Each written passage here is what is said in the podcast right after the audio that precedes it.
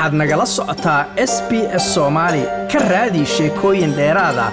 S b s com au xariijin soomaali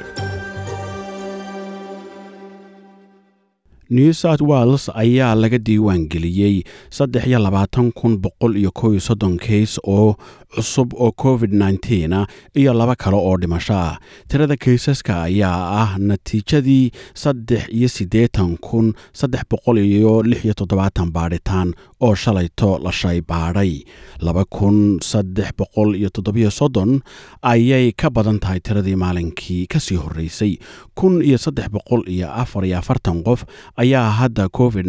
cisbitaalada new south wales ugu jira taas oo noqotay tiradii ugu horreysay ee hal maalin cisbitaal wada gasha ilaa iyo intii uu safmareenku bilaabmay. Dor jeremy mcnolty oo ka tirsan caafimaadka new south wales ayaa sheegay in ay boqol iyo shan bukaan hadda ku jiraan qaybta gargaarka deg dega ah ee i c u da loo yaqaano We continue to see many unvaccinated people being admitted to ICU, including young people. weli waxaanu arkaynaa dad badan oo aan tallaalnayn oo i c u da la dhigay oo ay ku jiraan dad da-doodu yar tahay. Marka waa u xasuusin reer new south wales inay istallaalaan hadda haddii aanay horeba isu tallaalin oo ay qaataan duritaankooda labaad. Marka ugu horreysa ee la gaadho ayuu yidhi caafimaadka new south wales ayaa sheegay in ay goobaha baadhitaanka covid isku baadhi karaan oo keliya qofkii leh calaamadaha covid islamarkaana guri la degan qof kale oo covid nteenka lagu xaqiijiyey taasoo ay sababtay goobihii baadhitaanka oo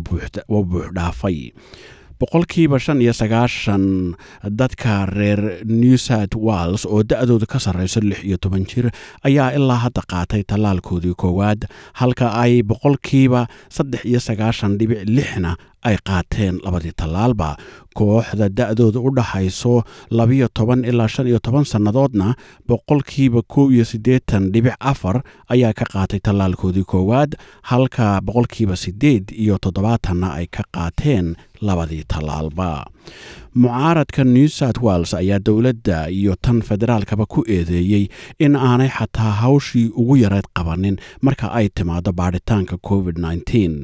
qalabka baadhitaanka dhaqsaha ah ee rapid antigen test ayay hadda adag tahay in la helo iyada oo la wariyey in qiimaheedu uu gaadhay heer dhiig miirad ah. Ra'iisul wasaaraha ayaa sheegay in aanay macquul ahayn in rapid antigen testska lagu bixiyo lacag la'aan iyada oo ay goobaha baadhitaanka ee covid ay la daaladhacayaan hadda. Baahida dadweynaha oo weliba qaarkood hore loo xidho marka ay buuxdhaafaan wax yarun kadib furitaankooda shirkad ka mida shirkadaha qandaraaska ku qaatay howlaha baadhitaanka ee covid ayaa xirtay in ka badan afar iyo labaatan goobood oo ay baadhitaanka ku samaynayeen si ay xoogga u saaraan bay yidhaahdeen. Shay baadhidda oo isa soo gaadhgaadhay hogaamiyaha mucaaradka ee new south wales chris mins ayaa idaacadda two g b u sheegay in uu ra'iisul wasaaruhu u baahan yahay inuu wax ka bedelo diidmadiisa ku aadan qalabka baadhitaanka deg dega ah oo bilaash laga dhigo iyada oo la sheegay la eegay kharashka durbo ku baxay baadhitaanka caadiga ah intii uu safmareenku socday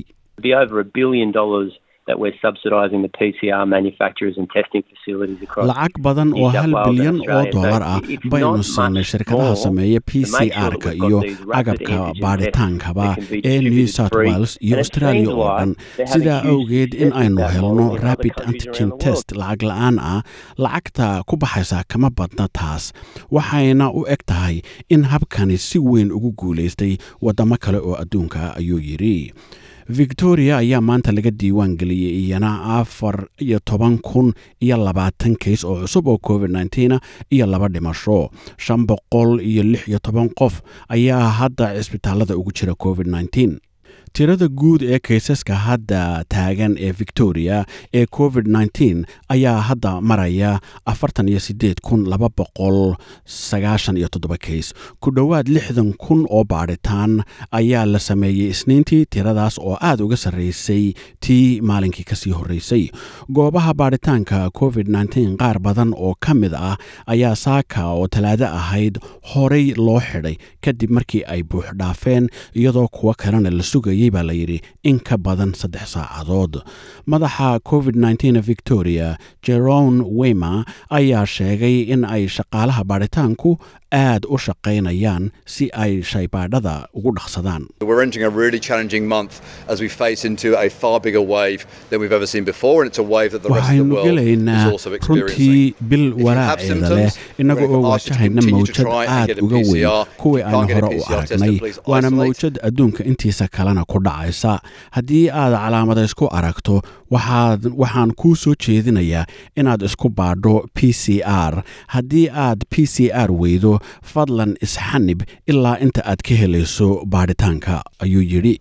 western australiana waxaa lagu wadaa in ay iska caadi noqoto shuruudda ah in qofku xaqiijiyo tallaalkiisa iyadoo ay dowladdu adkaysay tallaabooyinka caafimaadka dadweynaha. Tan ayaa ka dambaysay markii gobolka laga helay laba kays oo cusub oo covid a wasiirka caafimaadka ee western australia amber jade sanderson ayaa sheegtay in meelaha halistooda covid sarreyso ay shuruud noqon doonto in dadku xaqiijiyaan in ay tallaalkii covid qaateen We will now extend proof of vaccination requirements to high risk venues and waxaannu events. hadda These high-risk venues and xaqiijinta events tallaalka include gaadhsiinaynaa nightclubs, goobaha iyo music dhacdooyinka more than goobahaas 500 halistoodu patrons sarreyso where mask waxaa ka mid ah goobaha caweyska xafladaha muusiga iyo dhacdooyinka waaweyn ee ay tagaan in ka badan shan boqol oo qof. Meelahaas oo xidhashada face maskuna khasab ay noqon doonto ayay tiri goobaha ayaa shuruud lagaga dhigay in aanay qof aan tallaalayn u ogolaanin in uu galo. Waxaa kale oo western australia toddobaadka dambe ay soo saari doontaa app cusub oo ku saabsan covid 19ka hogaamiyaha mucaaradka ee heer federaal anthony albanisi ayaa sheegay in la gaadhay wakhtigii uu ra'iisul wasaaruhu wax uun mas'uuliyaddooda qaadi lahaa oo ay tahay in uu qabto shaqadiisa ah in la helo sahay ah tallaalka covid iyo qalabka laysku baadho. Hadalkiisa ayaa yimid iyada oo ay australia qalabka baadhitaanka ee covid ee dhaqsaha ah ay aad ugu yaraatay oo laga waayay farmashiyaasha badankooda PCR sababta aynu ugu wareegnay rapid antigen test. Oo PCR aan uga wareegnay baadhitaanka p because the c r system was waa xaqiiqda ah in aanay hubin in baadhitaanka haven't c r prepared ku for si habsami ah u dhacayo waayo nidaamkiiba adhaxda ka jabay waxay markaa u guureen nidaam kale oo aanay isagana u diyaarsanayn ayuu yidhi ra'iisul wasaare scott morrison ayaa sheegay in inta aan la gaadhin shirka golaha qaranka ee berito oo arbaco ah uu hogaamiyayaasha dowlad goboleedyada la sii dhammaystiri doono sidii loo waajahi lahaa yaraanta rapid antigen testska. Laakiin waxa uu intaa ku daray in qalabkan rapid antigen test oo bilaash lagu bixiyaa sida ingiriiska iyo maraykanka oo kale aanay macquul ahayn. Berito oo arbaca ana waxaa la saadaalinayaa in saadaasha hawadu noqoto sidan soo socota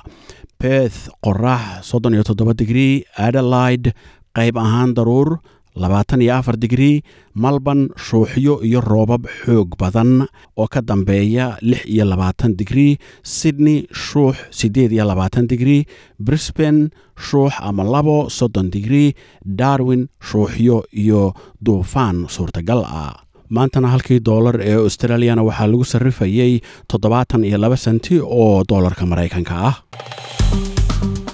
Like aas la wadaag wax ka dheh lana soco barta facebooka ee sbs somali